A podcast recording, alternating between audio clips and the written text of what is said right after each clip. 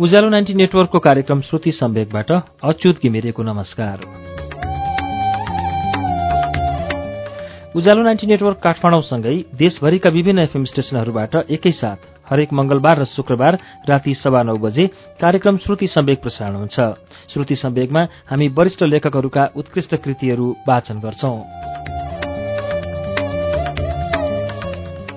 श्रुति सम्वेकको आजको श्रृङ्खलामा हामी बुद्धिसागरको उपन्यास कर्णाली ब्लुज लिएर आएका छौं। कर्णाली ब्लुजको गएको साता हामीले एघारौं श्रृङ्खलाको वाचन सुन्यौं। एघारौं श्रृङ्खलामा लेखकको समूहले हाँस चोरेर प्रहरीले पक्राउ गरेको समयको वाचन हामीले सुनेका थियौं। अब बाह्रौं श्रृङ्खलामा के हुन्छ त सुनौ पृष्ठ दुई सय तेत्तीसबाट।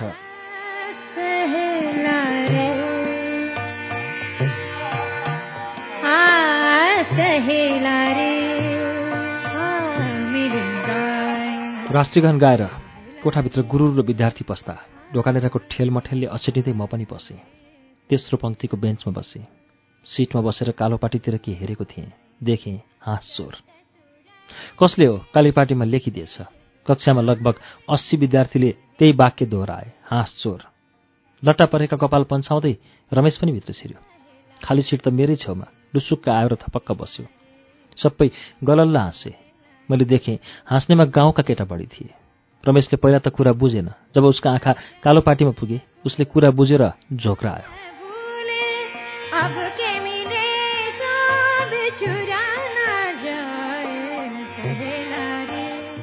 एकराज भएको भए त सबैलाई ठिक पार्थ्यो तर एकराज त त्यसै पनि स्कुल आउँदैन थियो झन अब के आउँथ्यो? उसले मलाई भनेको पनि थियो दोस्त अब म लम्केकै स्कुलमा जान्छु। एक महिनापछि पनि कुरा साम्य हुन सकेको थिएन। घाउमा खाटा बस्न थाल्यो कि यसरी नै अरूले खाटा उक्काइदिन्थे रमेश र म कक्षा कोठामा एक्लिएका थियौँ। मैले बुझिसकेको थिएँ हामीसित कोही बस्न पनि चाहँदैन। छजना अट्ने बेन्चमा जम्मा दुई अस्सी अस्सी हामी अस्सी जोगी बीचका दुई चोर जोक्राइरह्यौँ रौँ रौँ लाग्ने गरी। एक्कासी कुनातिरबाट एउटा गीत गुन्जियो काले काले मिलेर खाउँ भालेको लयमा चोर चोर मिलेर खाउँ हाँस। धेरै नजिस्काउ त? पल्लो कुनातिरबाट शर्मिला जुरुक्क उठेर कराई। पल्लो लाइनको चौथो पङ्क्तिको बेन्चमा शर्मिला झ्यालको आडमा बसेकी थिए। झ्याल बाहिर तितेपाती फुल्ने सुरमा थियो।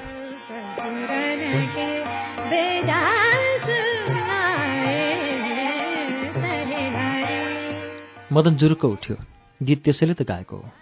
तीन महिना अघि एक राजको चेन उसको दायाँ आँखी बाउमाथि बजारिएको थियो। अझै पनि त्यहाँ सेतो र लाम्चो खत थियो।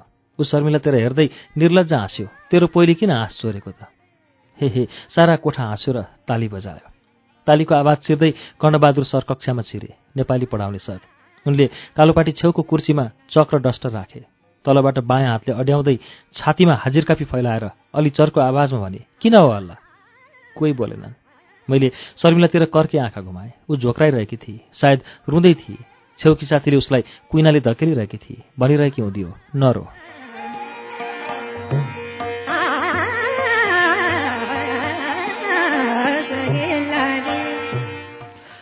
सरले हाजिरकापी हेर्दै रोल नम्बर फलाके।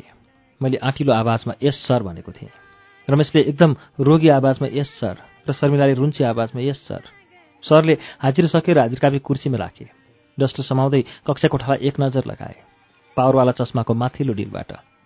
पछाडिको बेन्चमा किन कोचाकोच? सरले हाम्रो खाली बेन्च देखेर पछाडि कोचाकोच गरेर बसेकालाई इसारा गरे। अगाडि आएर बस। हाँसचोरसँग बस्दैनौ के? आवाज आयो। सर रनक्क रन्किए फनक्क फन्किए डस्टर कुनातिर ताक्दै कराए कसले भन्यो? सबै चुप। कमिला हिँडे पनि सुनिन्छ जस्तो।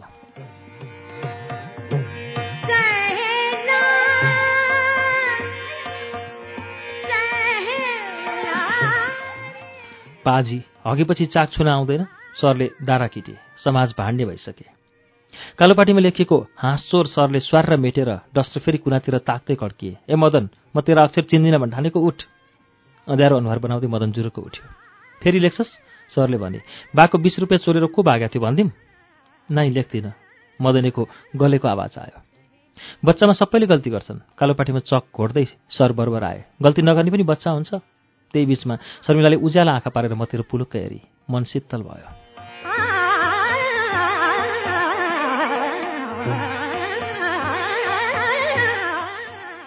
दोस्रो कक्षा म्याथको। गणित भन्न मनाइ थियो। यो आइएससी सरको कक्षा हो। लामो र छड्के कपालधारी आइएससी सरको देब्रे आँखा जहिले पनि आँखाको खाल्टोबाट भ्यागुता चाहिँ आम फालुला चाहिँ गर्थ्यो। उनी नहुँदा सबैले बेडुल्के भनेर खिस्सी गर्थे। उनी पनि आँखा चाहिँ टेढा थिए। कहिलेकाहीँ औँलाका कापमा पेन्सिल राखेर फनफनै रिङ्गाइदिन्थे विद्यार्थी चुट्न पनि कति जानेका हुन्। उनले आइएससी पास गरेका थाहा भएपछि उनको नाम खैरी फाटाभरि आइएससी निर्धारण भएको थियो। नयाँ नामबाट उनी पनि त गजक्क। होचो कतका उनी जब हतारमा हिँड्थे बाछो दगुरे जस्तो लाग्थ्यो। होमवर्क सधैँ दिन्थे तर धेरैले भोलिपल्ट उनका अगाडि शिर नेउराउँथे त्यसैले उनी कक्षाको आधा समय त विद्यार्थी पिट्नमै लाउँथे। उनी कक्षामा छिर्ने बित्तिकै होमवर्क चेक गर्थे। सबैले होमवर्क देखाऊ सरले आदेश दिए। रमेशले त होमवर्क गरेछ। पुत्रुको कापी देखायो। सर रिसा हात्ती मेरो छेउमा आए। मेरो धुकधुकी बढ्यो। म टाउको निहुराएर उभिरहेँ। अचानक मेरा कञ्चटका रौँ उखेलिए।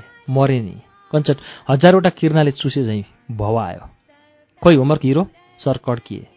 म चुप। चोर्दै हिँड्ने। सरले रौँ बटारे। होमवर्क नगर्ने? र सरले धनुको अन्तिम तिर मुटुमै ताकेर भने भन् त हाँसको मासु कस्तो थियो? कक्षा गलल्ल अनि चुप। म तिर लागेको चरा चाहिँ बेन्चमा पछारिएँ। एकदम घाइते।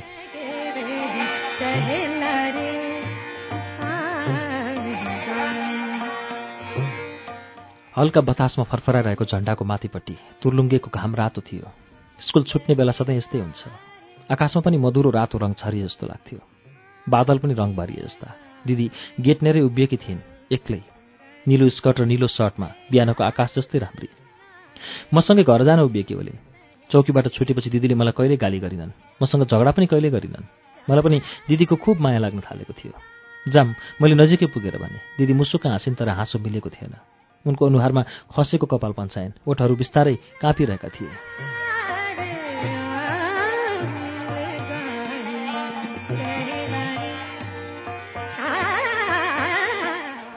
पछि आउँछु।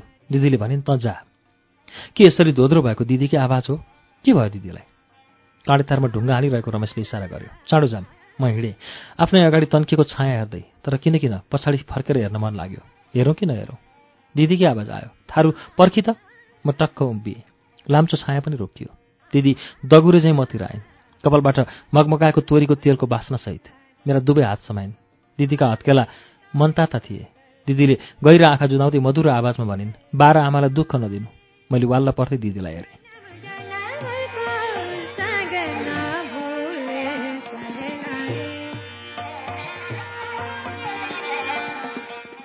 राम्ररी पढ्नु। फेल नहुनु भन्दा दिदी त रुला रुला भइन्। के दिदीलाई जमरा खोलाको भूत लाग्यो? उनले एकछिन गढेर मेरो अनुहार हेरिन्। मैले दिदीको अनुहार हेर्न सकिनँ। आँखा यताउता दगुराएँ। दिदीले मेरो झिङ्गिङ्ग परेको कपाल सुमसुमाउँदै भनिन् जा अब। म उभिरहेँ। रमेश फेरि करायो ओइ दिदी फनक्क फर्केर दगुरे चाहिँ हिँडिन् पछाडि फर्केर हेर्दा आँसु पुस्दै गए जस्तो पनि लाग्यो। अल्ली पर शान्ति दिदीले घरको भित्तामा छेलेर हेरिरहेकी रहेछन्। मैले देखिहालेँ। दिदीले यस्तो किन गरिन्? साँझ घर आएपछि सोधौँला म रमेशतिर दगुरे।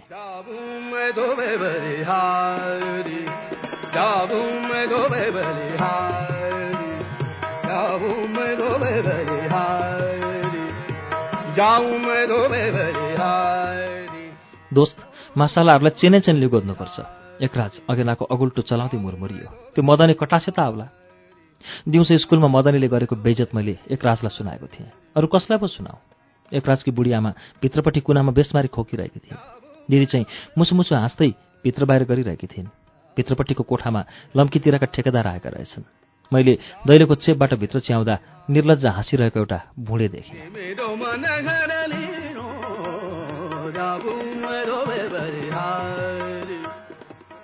यिनै ठेकेदारले लम्कीमा एकराजकी दिदीलाई जग्गा खोजिदिनेवाला छन्। खुरीले थाहा हुन्छ नि एकराजलाई यसरी ठेकेदार निर्लज हाँसेको र दिदीलाई साउनी भनेको मन पर्दैन। झन् जाडले तिर्मिराएर लामो लेग्रो ताएर साउनी भन्यो भने त निधारमै चेन बजारिदिउँ जस्तो लाग्छ अरे कहिलेकाहीँ एकराज सुनाउँथ्यो। त्यो मदने लडिया चढेर यतैबाट जान्छ। एकराजले चुलोमाथि कालो कराइराख्दै योजना सुनायो। म यसलाई समाउँछु त मुक्का हान्नु दोस्त। यसरी भकुर्नु त मजै होला नि। एकराजले कराई समात्दा मुसोले काला भएका औँला निहाल्यो। बुढी औँला निधारको बिचमा घोटेर कालो टिका लगाएर भन्यो दोस्त कसम भो।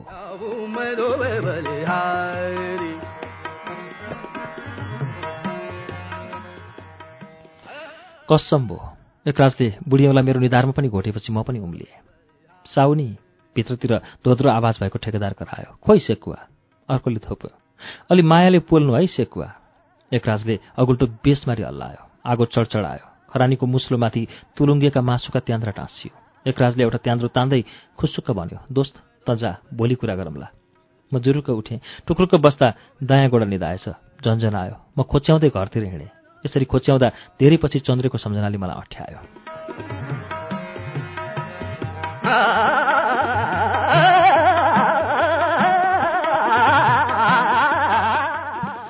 कहाँ मर्या थिइस् आमाको कठोर आवाज निधारमै ठोकियो म झन्डै भर्याङको टुप्पाबाट उत्तानो पछारिएको फेरि आमालाई के भयो?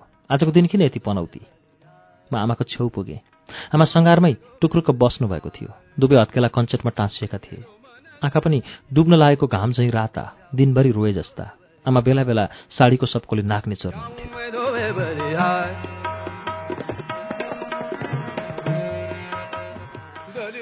छोराछोरीले जन्मेदेखि सुख दिएनलाई आमाले रुन्ची आवाजमा भन्नुभयो। मैले आमाका रात आँखासित आफ्ना आँखा जुदाउन सकिनँ। आमाका आँखा भने मेरो निधारमा ठोकिएछन् फेरि कराउनु भयो निधारमा के दल हिँडेको होला? थुक्क जा मुख म एकराजको कसम धुन भान्सा छिरेँ। भित्र बाटोको अनुहार पनि जमरा जमरा खोलाको किनार झैँ सुक्खा थियो। बाटो पिर्कामा वाल्ल परेर बसेकी थिए। छेउमा लालटिन धप्प धप्प बलिरहेको थियो। बाटोसित आँखा जुधे उसले इसारा गरी मैले आफ्ना कानका लोती उसका ओठमा छुवाइदिएँ उसले तातो सास मेरा कानभित्र उलिदिए। दिदी उर्के गैगिल?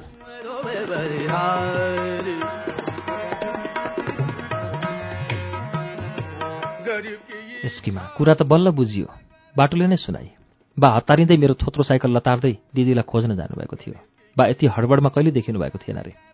हडबडमा दुई थरी चप्पल लगाउनु भएछ चस्मा घरै छुटेको थियो। सफा गर्न झिकेका अगाडिका दुईटा दाँत पनि घरमै छुटेका थिए। थोते बा कमजोर आँखा लिएर हतास हतास कहाँ पुग्नुभयो होला? दिदी कोसित भाग्यो होलिन् कुन दिशा हिँड्यो होलिन् म पनि अर्को कुनामा टुक्रुक्क बसेँ। हात आफै कञ्चटमा टाँसिए।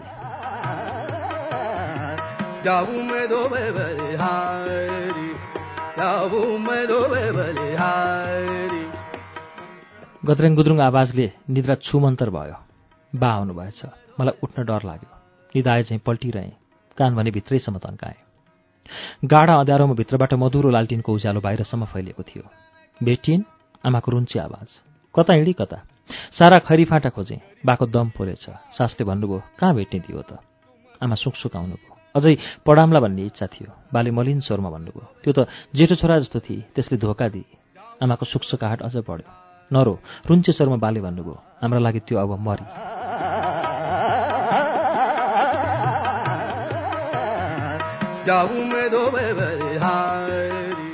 दिदी गएपछि बाह्र आमा निराश देखिनुहुन्थ्यो। आँखाका चेप चेपमा पानी छिपछिप देखिन्थे।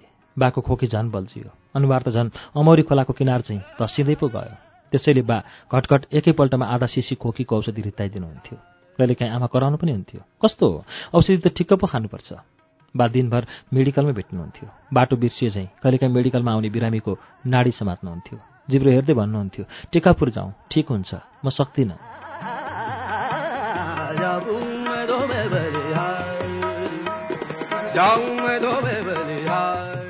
बाका हात झन् काँप्न थालेका थिए। बतासमा काँप्ने माकुराको जाल चाहिँ उठ्दा पनि घुँडामा हात राखेर एकजुनी थाके चाहिँ बिस्तारै उठ्नुहुन्थ्यो। कहिलेकाहीँ छेउमै हुँदा म बाका कटट्ट बजेका घुँडाका आवाज पनि सुन्थेँ। एक दिन शान्ति दिदीले खुसुक्क आमालाई भनिछन् चिन्ता गर्नु पर्दैन केटा पढे लेखेका छन्। एमए पास हुलाक विभागमा छन्। घर बर्दिया हो। अहिले उनी महेन्द्रनगर छन्। त्यसपछि पो थाहा भयो। दिदी त टिकापुर हुँदै तिकुनिया पुगिछन्। भारत हुँदै महेन्द्रनगर। सबै कुरा सुनेपछि बाले निराश साबासमा भन्नुभएको थियो। धेरै पढाउन मन थियो। आफ्नै बाटो रोजी।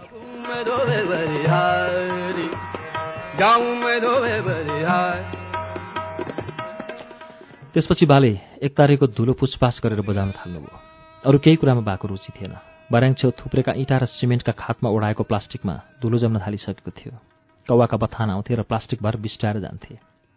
मेडिकलको भित्रपट्टि सालका ताजा फ्ल्याक र कडी धुम लागेका थिए। चोप पग्लिएकाले फ्ल्याक वाकवाकी लाग्ने गरी गनाउँथ्यो। अब ती के गर्ने? तीन महिनाभर कति दुःख गरेर बाले थुपार्नु भएको थियो।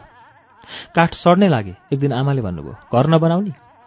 यहाँ घर बनाएर के गर्ने? बाले पढ्दै गरेको किताबबाट आँखा उठाउँदै भन्नुभयो बजार सकि नै लाग्छ जहाँ गए पनि यस्तै हो। आमा रन्किनुभयो यो बर्खामा त म चुइने छानो हेरेर बस्न सक्दिनँ है। के अर्चेस् त जहाँ गुड लगाउन खोज्यो भाग्यले त्यतैबाट लखेट्छ। म फेरि यहाँबाट अन्त जान्न। म जुनीभर चुइने छानो खोजेर हिँड्न सक्दिनँ आमाले भन्नुभयो। यो पनि न्यु मात्रै खोज्छे। बा पनि च्याठिनुभयो सोच्न दे मलाई।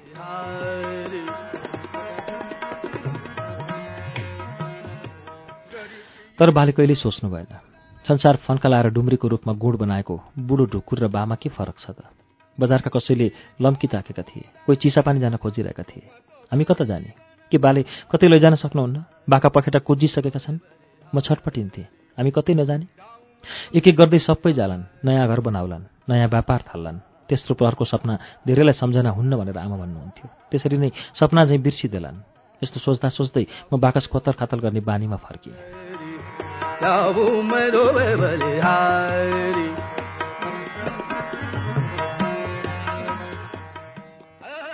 एक दिन मैले दिदीको बाकस खोतल खातल पारेँ।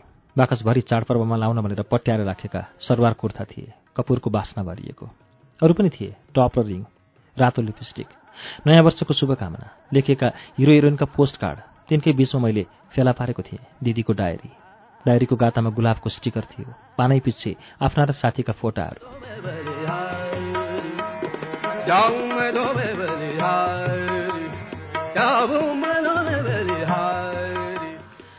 जीवन कुमालेको चक्र झैँ घुम्छ हामी कता कता पुग्छौँ। साथीहरूको साथ छुट्छ फेरि भेट हुन्छ कि हुँदैन। यसमा लेखेका तपाईँका भावना पछि मेरा साथी हुनेछन्। जब म बुढी हजुरामा हुनेछु म डायरीका पानाहरू पल्टाउनेछु र यो बितेको अतीतलाई सम्झनेछु। मलाई विश्वास छ साथीहरूले आफ्ना मनका भावना यसमा लेखिदिनुहुनेछ। उही साथी र पार्वती र हस्ताक्षर प मात्र बुझिने।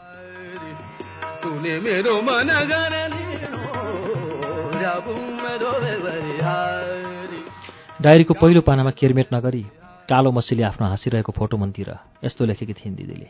उनलाई थाहा थियो कालो रङ बाहेक अरू रङका अक्षर खोलिन्छन् अरू पछि पढ्छु भन्दै मैले दिदीको डायरी सिरानी मन्तिर लुकाएँ।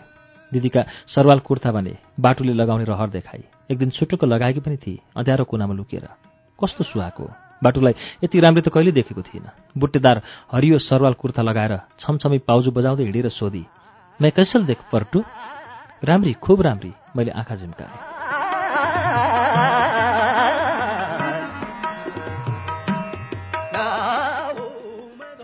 ऊ फनक्क घुम्दै खितखित हाँसी।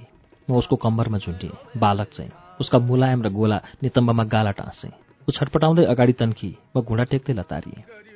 त्यसपछि त बाटो घरमा कोही छैनन् जस्तो लाग्यो भने सरवाल कुर्ता लगाइहाल्थे। बाटु एक दिन झल्यास आमाले देखेर भन्नुभयो ती लुगा नलगा। बाटु बोलिन। निन्याउरो अनुहार बनाएर उभिरहे। मैले भन्न पनि सकिनँ। लाउन दिनुहोस् आमा कस्तो सुहा छ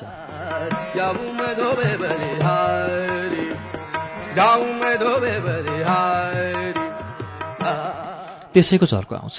आमाले ओठ कमाउँदै रुन्चे स्वरमा भन्नुभयो त्यसलाई पोइ चाहिएको भए हामीलाई भन्नु नि। त्यसै रुवाएर गए। आमा घोक्क गर्दै रुनुभयो। आमाका यस्ता पिन्चे आँखा झैँ घाम नडुब्दै कटासे पनि उदास देखिन्थ्यो। हो हल्ला एकदम कम। पसल पसलका ढोका चाँडै बन्द हुन्थे। ती ढोकामा स्वादले खुट्टो उचाल्दै कुकुरले तुर्क्याउँदै दगुर्थे गल्लीमा हटेरु जुत्ताका अवशेष मात्र थिए। कतै सोल कतै हरियो कपडाको टुक्रा।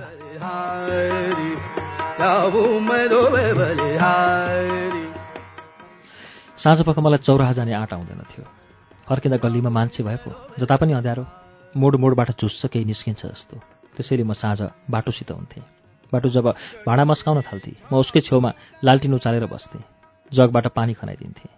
बाह्र आमाको गुनगुन। मेडिकलतिरबाट आइरहेका बेला म बाटुलाई कथा सुनाइरहेको हुन्थेँ। बाटुलाई कथा सुन्न खुब मन पर्थ्यो। जब म सुनकेश र रानीको कथा सक्थेँ बाटो रुन्ची अनुहार लाइरहेकै हुन्थे। म उसको रुन्ची अनुहार हँसाउन यस्तो भाका हाल्थेँ। सुन्नेलाई सुनको माला भन्नेलाई फुलको माला यो कथा बैकुण्ठ जाला बाटुलाई सुनाउने बेला मुखैमा आउला।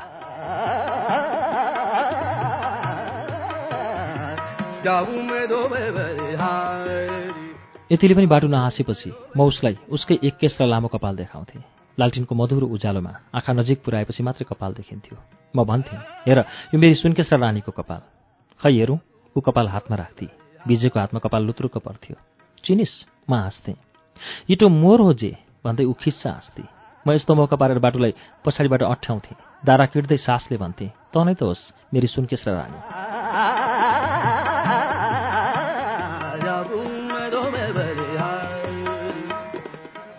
जब म बाटोलाई अठ्याउँथेँ ऊ मलाई धकेल्नै सक्दिनथे लामो लामो सास फेर्थे। उसलाई एक्कासी हनानी ज्वरो आए चाहिँ हुन्थ्यो। म उसको कपालको अनौठो बास्नामा लट्ठिन्थेँ। स्वस्तानीका शिव चाहिँ एकदम लट्ठ। त चलेर मात्र नबस। एक दिन बाले मलाई हकार्नुभयो फुर्सदमा पढ्न लेख्न सिका। लेखेको पढ्न जानिन भने यसले सधैँ दुःख पाउँछ। त्यही दिनदेखि मैले बाटुलाई क ख ग पढाउन थालेँ।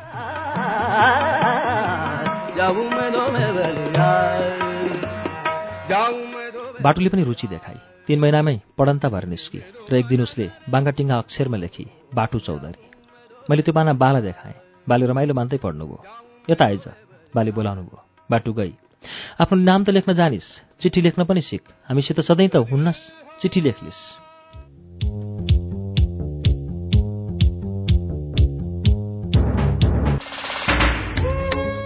कार्यक्रम श्रुति सम्वेकमा हामीले अहिले सुनिरहेको वाचन बुद्धिसागरको उपन्यास कर्णाली ब्लुजको वाचन हो। यसको बाँकी अंश केही बेरमा वाचन हुनेछ। उज्यालो सुन्दै गर्नुहोला।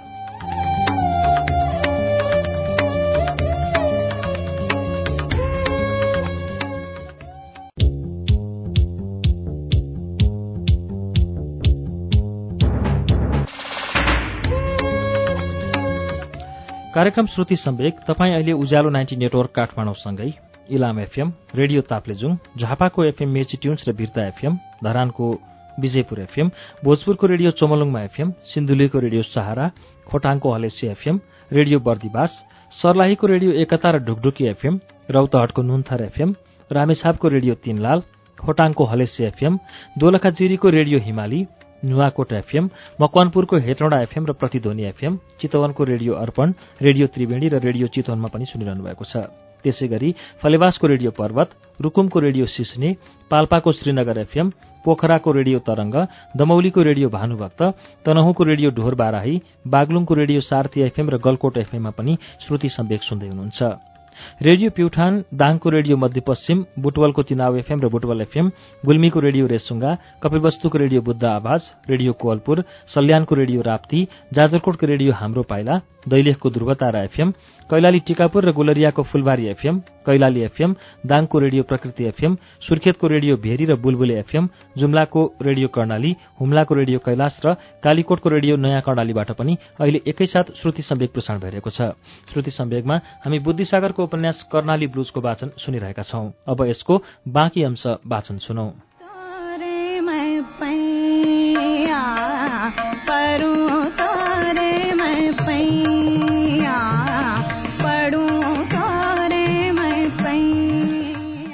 मेडिकलमा बिरामी आउन छोडेपछि मेरो चकचक झन बढ्न थाल्यो। आला र बिपी त देख्नै नहुने ती समयभन्दा अगाडि नै बिग्रिन्थे। बा नहुँदा सुटुक्क आलाका जालीमा औँला पड्काइरहन्थे। ड्याङ ड्याङ आलाको टुप्पा कानमा कोचेर जालीमा स्याहार स्याहार औँला चलाउँदा ठुलै हुरी चले जस्तो हुन्थ्यो। त्यो मलाई खुबै मन पर्थ्यो बिपीको भने स्वादै अर्को। पाखुरामा काप्रो झैँ बेरेर पच्च पच्च आबा भर्दा बिपी फुल्दै जान्थ्यो। भलिबल चाहिँ आखिरमा ढुङ्गा चाहिँ कडा हुन्थ्यो। अर्को लहरमा झुन्डेको घडीको सुई रन्थनिएर दुई सय पचास तिन सयसम्मको अङ्कमा पुग्दै छट्याक छट्याक छटपटिन्थ्यो। यसरी सुई छटपटिएपछि बिपीले पाखुरा ट्याम्म अड्याउँथ्यो। पाखुराका नसामा रगत बगे पो माथिको रगत माथि र तलको रगत तल। ठुलो पिलो उठे जस्तो पाखुरा टनक्क दुख्थ्यो। त्यस्तो दुखिरहेका पाखुरा दुई तिन मिनट त्यत्तिकै छोडिदिन्थे र स्याहार र हावा फुस्काइदिन्थे। घडीभित्रको सुई फेरि रन्थनिन्थ्यो। पाखुरा हलुका हुँदै जान्थ्यो। नसामा फेरि रगत बेसमारी दगुर्थ्यो। यस्तो बेला म आनन्दले आँखा चिम्लिन्थेँ। टन्टनी दुखिरहेको पिलोबाट पिप छत्ताछुल्ल भए जस्तो हुन्थ्यो। रमेशलाई पनि बिपीको लत लागिसकेको थियो। बार नभएको मौका पऱ्यो भने भनिहाल्थ्यो ए बिपी लगाइदियो त।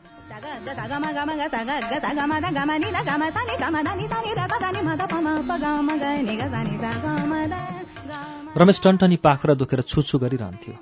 अनि पो बा कराउनुहुन्थ्यो ए तैँले फेरि बिपी चलाइस्? छोकै छैन। मलाई थाहा छैन भने ठान्छस् बा भन्नुहुन्थ्यो। फेरि चला त मुड्क्याउँछु अनि। म शिर निहुराएर चुपचाप उभिन्थेँ।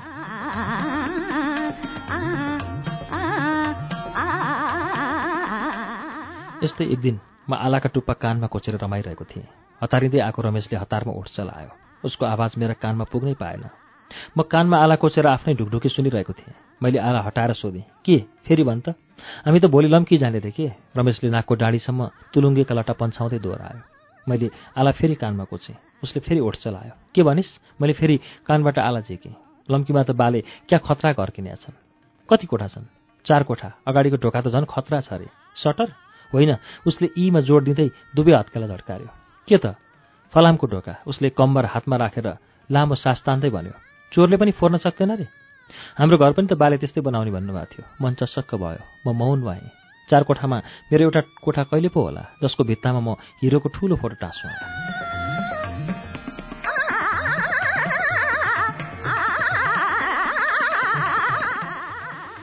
के सुनेको? मुलाले झस्काइदियो। कमिलाको गीत। कमिलाले पनि कहीँ गीत गाउँछ? उसले पहिला नपत्याए चाहिँ आलातिर हेऱ्यो अनि निधारका लटा पछाडि धकेल्दै सोच्यो। मैले त भर्खरै सुनेको मैले भने। उसले तल्लो ओठ टोक्दै सोध्यो के गा थियो त? दिल दिवाना बिन सजनाकै मानेन। मलाई पनि सुन्न दिएन मैले आलाका दुई पुच्छर उसका कानमा उलिदिएँ छेउको टेबलमाथि एउटा कमिला हिँडिरहेको थियो। कागजको टुक्रा अगाडि राखिदिएपछि कमिलो अल्मलियो त्यही मौकामा आलाको जाली कमिलाका अगाडि राखिदिएँ। रमेशले निधार खुम्चायो। मैले इसाराले सोधेँ सुनिस्? उसले टाउको यताउता बटार्दै मुख बिगार्यो।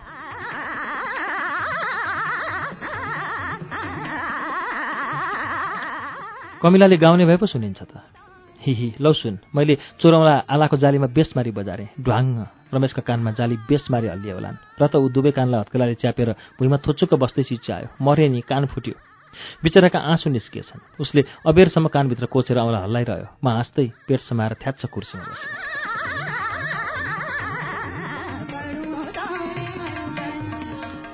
मेरो कान फुटेको भए रमेश आँसु पुस्दै झर्कियो। बहिरो भएर लम्की घुम्थिस्। मैले हाँस्दै भने तर मेरो मन त रुन्चे भइसकेको थियो। ए यो त जाने पो भयो त। म त सुई माग्न आएको दिएन। अबेरसम्म धेरैपल्ट लम्कीको कुरा सुनाएपछि उसले भन्यो मेडिकल अँध्यारो भइसकेको थियो। छामछुम गर्दा पिँध फुटेको सुई भेटेर दिएँ। उसले पाइन्टको गोजीमा हाल्यो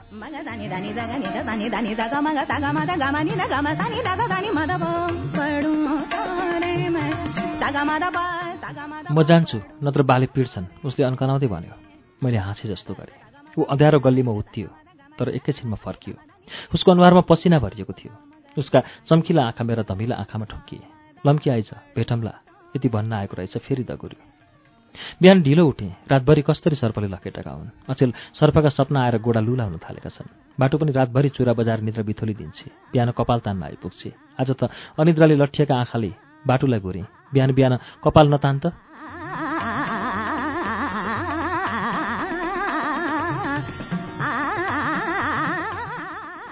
चियाको गिलास लिएर उभिएकी रहेछ। भनी यी चिया लन्नु। एक गिलास तातो चिया अङ्नारीबाट नाइटोसम्म पुगेपछि हाईले मुख च्यातेर गयो। राति सिरानी मिलेनछ काँधको दायाँ पातो चलाउनै नमिल्ने गरी टन्टनी दुख्न थाल्यो।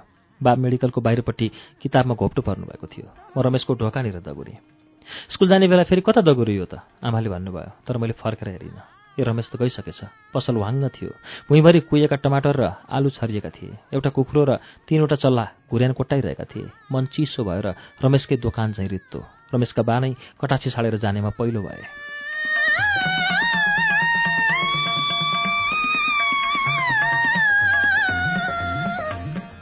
त्यसपछि त के भो के भो पालै पालो सबै हिँडे। कटासेले रोक्न सकेन। पङ्कज नाई राजापुर फर्कियो। शर्मा अङ्कल लम्की गए। हजुरको साउ चिसापानी। भक्ति लम्की ओमे साउ पनि लम्की। रेडियोवाला चौधरी भने आफ्नै गाउँ जान्छु भन्दै भगरैया पुग्यो। हिँड्ने बेला गौली साउले आँसु भरिएका आँखाले आफ्नो आधा बनेको घर हेर्दै टोलाए। त्यस्तो मरेको अनुहार त मैले कतै देखेको थिइनँ। उनले सुक्क गर्दै टोपीले आँसु पुछे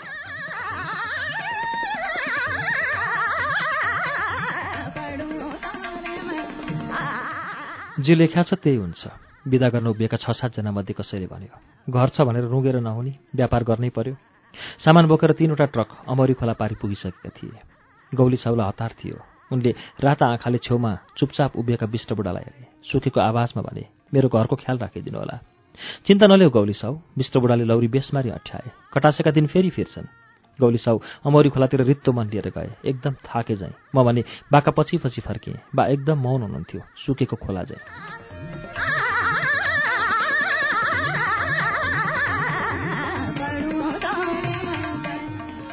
सबै अन्त जान लाछन्। राति आमाले भन्नुभयो हामी त यो बजारमा एक्लै पर्छौँ कि क्या हो? मलाई त राम्ररी निद पनि पर्दैन। म के स्वादले सुत्या छु त बाको आवाज मलिन भयो। कटासेलाई पनि के को श्राप लागेको रहेछ कुन्नी? सकिने नै भयो। भो सबै बेचेर सुर्खेत जाम। पर्खी बाले ओछ्यानमा ढल्किँदै भन्नुभयो भाग्यले कति रिङाउँदो रहेछ म पनि हेरौँला।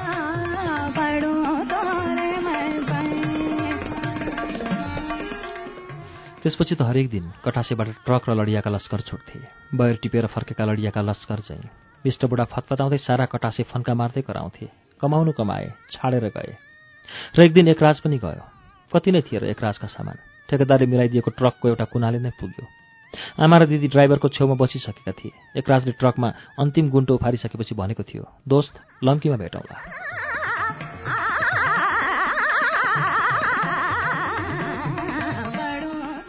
ट्रकले कालो धुवा फालिसकेको थियो। एकराजको दोकानमा धुवाले रङ्गिएका काला भित्ता बाहेक केही थिएनन्। खोइ किन हो? चुलो पनि भत्काएका थिए। चुलाभित्र फलामका छड हुन्छन्। ती झिकेर लगेको हो कि? म ट्रक छेउै उभिएँ। ट्रक उक्लिने बेला एकराजले हात मिलाउँदै भन्यो ल त दोस्त म गएँ। एकराज ट्रकमा उक्लियो। म छटपटिएर भुइँतिर निहुरिएँ। दोस्त एकराज फेरि करायो।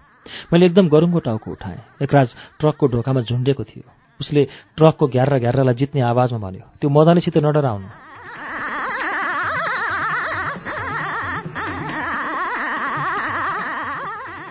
उसले कम्बरमा बेरेको चेन फुकालेर मतिर उर्यायो चेन भुइँमा खस्दा अलिकति धुलो उड्यो।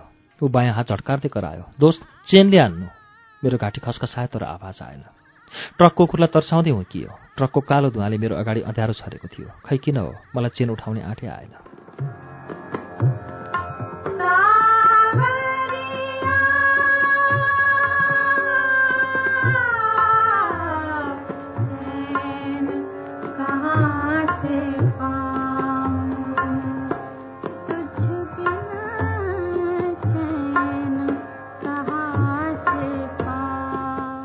दिउँसो बाटुलाई भेट्न दाया आएको थियो। उही भग्गु ठ्याक्कै त्यही बेला जति बेला म भर्याङको टुप्पामा बसेको थिएँ। उसले भर्याङनिर साइकल अडायो मेरो साइकल छेउमा। उसको साइकल त मेरोभन्दा पनि थोत्रो रङ खुइलिएको आफ्नो रातो हिरो रेन्जर साइकल छेउ एकछिन उभियो। उसको ज्यानमा फुङ्ग रङ उडेको सर्ट थियो भने ठाउँ ठाउँमा खुम्सिएको निलो पाइन्ट गोडामा चप्पल। उसका गोडाका नङ क्याप टोपीको चुच्चो झैँ बाहिर निस्केका थिए। धुलो भरिएको जिङ्रिङ्ग कपाल झुस्स पातला दारी। उसले भर्याङको टुप्पामा ढेडो चाहिँ टुक्रुक बसेको मलाई देखेर नमस्ते गर्यो। यो मैले जीवनमा पहिलोपल्ट पाएको नमस्ते थियो। भग्गु आयो मेडिकलतिरबाट बाको आवाज आयो। के बाला थाहा थियो? ऊ आउँदैछ भन्ने? भग्गु मेडिकलभित्र छिर्यो।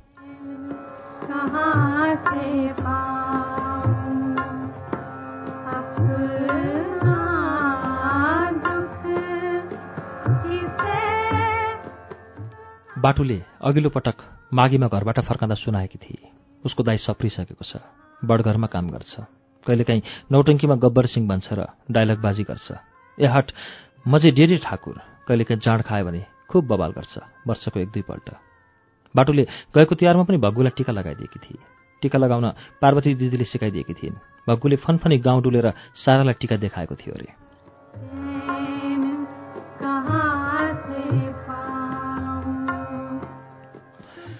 बाटोभित्र चिया उमाल्दै थिए। म भित्र छिरेँ। अङ्गारले चित्र बनाउँदै गीत गुनगुनाइरहेकी थिए। एकदम मसिनो आवाजमा म उछेउ पुगेँ। अचानक बाघले बाख्रो झम्टे चाहिँ झम्टिएँ। ऊ तर्सिँदा चियाको फ्राइबिन झन्डै घोप्टेको। ऊ झर्की तै कब्बु नै सुध्रबे। तैँले त बिगारिस् नि। बाटो चुप भई अझै एकछिन जिस्काउँ चाहिँ लागेको थियो। बाटोको तर्सिएको अनुहार अँध्यारो नै रहिरह्यो। सुन मैले उभिएर भने का? पर्लक्क उसले गएर आँखा माथि फर्काए। तेरो दाई आछ भग्गु? ऊ बाख्राको पाठो चाहिँ चञ्चल भई जुरुक्क उठी म्याक्सी तन्काई कपाल मिलाएर कैसन देखाइटु भन्दै फनक्क नाची।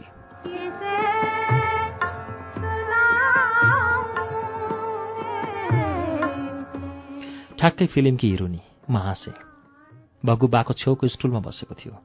बाटो त पच्चिस वर्ष लाग्यो भन्थे हेर्दा त चालिस नागे जस्तो देखिन्थ्यो। कञ्चन भाँसिएका थिए आँखामा उदासी थियो। म भगुको दायाँ कुम्तिर उभिएँ।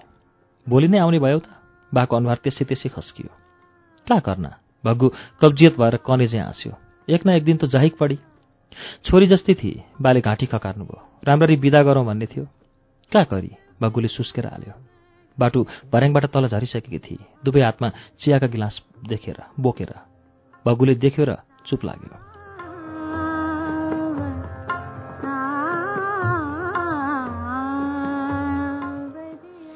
के भग्गुले बाटोको बिहेको कुरा गरेको? मेरो मन चिसो भयो। बाटोले बाह्र भग्गुलाई चिया दिए। चिया दिँदा भग्गुलाई निहाली। भग्गुले आँखा जुदाउन सकेन। सडकतिर हेऱ्यो। दायाँ हातको चोराउला माथिल्लो ओठको चेपमा घुसार्दै एक डल्लो सुर्ती झिकेर सडकतिर उर्यायो थुथु गरेर चिया गुड्कायो। एकछिन लामो मौनता फैलियो।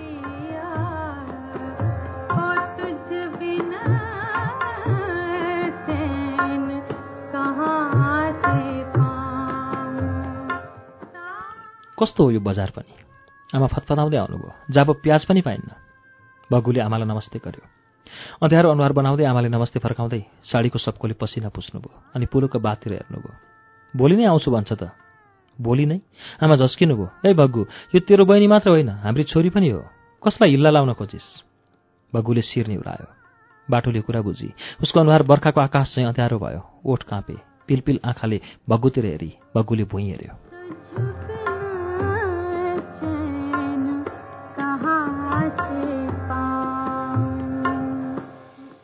मै भोज नै करम गोडा बजार्दै भनी र होतिँदै भर्याङ उक्ली।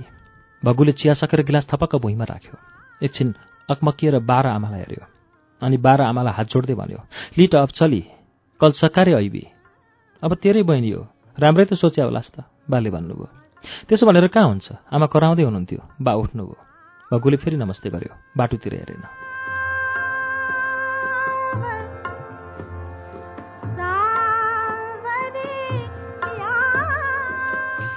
साइकल छेउ पुग्यो।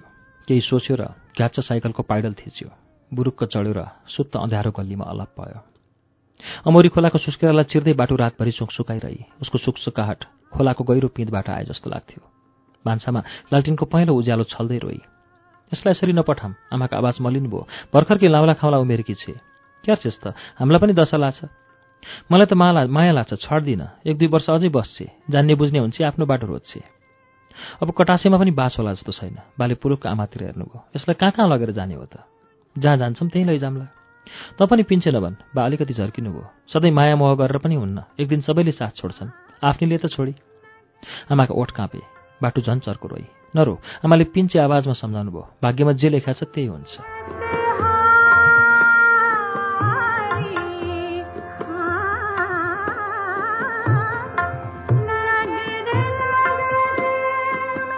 बाप बुढो चरा चाहिँ अलिकति चारा टिपेर उठ्नुभयो। चुपचाप। राति बाटोले रुँदै अन्तिमपल्ट हाम्रा जुठा भाँडा माझी चुलापोती रछ्यान सफा गरी। अबेरसम्म अगेनाको छेउमा धुमधुम्ती बसेर हत्केला र गोडामा तेल लगाइरही। म ओल्लो खटियामा अबेरसम्म निधाउन सकिनँ। टाढा टाढा सालगारीमा स्याल कराइरह्यो। बजारमा कुकुर पल्लो खटियामा बाटो पनि निधाउन सकिनँ। चुरा बजाइरही।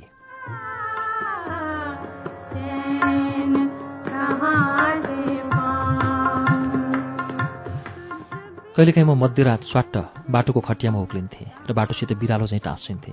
बाटो थाहा पाउँथे र पनि बिहान त थाहै नपाए जस्तो गर्थे। म रातभर बाटोका डुकडुकी सुन्थेँ। उसका मनताता ओठका कोमलता छोइरहन्थे। उसका ओठ बिस्तारै थरथराउँथे। आज त के भयो कुन्नी? म उसको खटियातिर फर्किन पनि सकिनँ। साँझदेखि बाटोसित बोल्न पनि सकेको थिइनँ।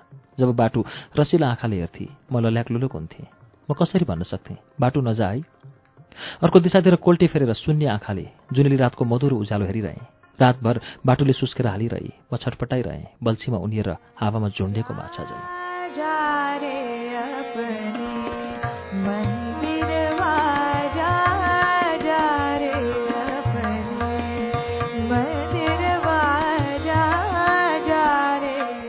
त आज स्कुल जान्नस्? आमाले सोध्नुभयो। जान्न मैले भने। कटासेमा घाम झुल्केको थियो। उही तेज उही रवाफसहित टायलका चरचरबाट घामका धार कुना कुनामा पोखेका थिए। ती कुना एक बिहानै बाटोले सफा गरेकी थिए र एक बिहानै बाटो अमौरी खोलामा नुहाएर चिसा र फिजारिएका कपाल बोकेर आएकी थिए। उसका आँखा भने सुकेको कुवा चाहिँ गहिरा र अँध्यारा थिए।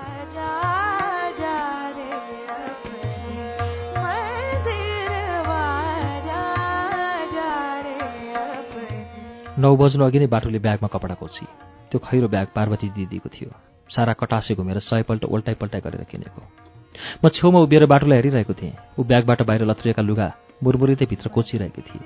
बाटु? आमाले बोलाउनु भयो कहाँ आमा पार्वती दिदीका सरवाल कुर्ता हातमा झुन्ड्याउँदै बाटोको छेउमा उभिनु भयो। यी लगा। बाटोले लुगा लिए। चुपचाप सुमसुमाइरही। लुगा लाएपछि त बाटो हतारिँदै स्कुल हिँडिरहेकी पार्वती दिदी जस्तै देखि। ठ्याक्कै उस्तै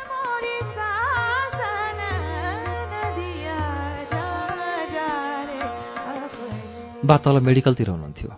बालाई पनि बाटोलाई देखेर दिदीको सम्झना आउला। बाटोले आफ्नो तयारी गरी केही छुट्यो कि भनेर यताउता हेरी। एकछिन कम्बरमा हात राखेर ठिङ्ग उभिए। बाटो यहाँ आइज। आमाले रुन्ची अनुहार लाएर बोलाउनु भयो। म तेरो कपाल कोरिदिन्छु। ऊ आमाको छेउमा पुगेर थचक्क बसी। आमाले कपालको जरा जरामा तेल लगाइदिनु भयो। काइयोले कपालका ससाना लट्टा फुकालिदिनु भयो। गल्लीमा बेसमारी कुकुर बोक्न थालेपछि म दगुरेर बाहिर आएँ। भर्याङको टुप्पामा टुक्रुक्क बसेँ। लडिया आउँदै थियो। लडियाको अगाडिपट्टि भग्गु बसेको थियो। पछाडि अरू मान्छे थिए। मैले कहिले नदेखेका। राँगालाई तर्साउन अगाडि पछाडि कुकुर दौडिरहेका थिए। बलिया राँगाले लुतोले थलिएका कुकुरलाई के टेर्दा हुन्। लमक लमक लम्किए। अगाडि लडिया हाँकिरहेको केटाले हातको रस्सीमा झट्का दियो। तीको झट्का राँगाका नाकको पोरामा पर्यो। राँगा मेडिकल अगाडि टक्क अडिए।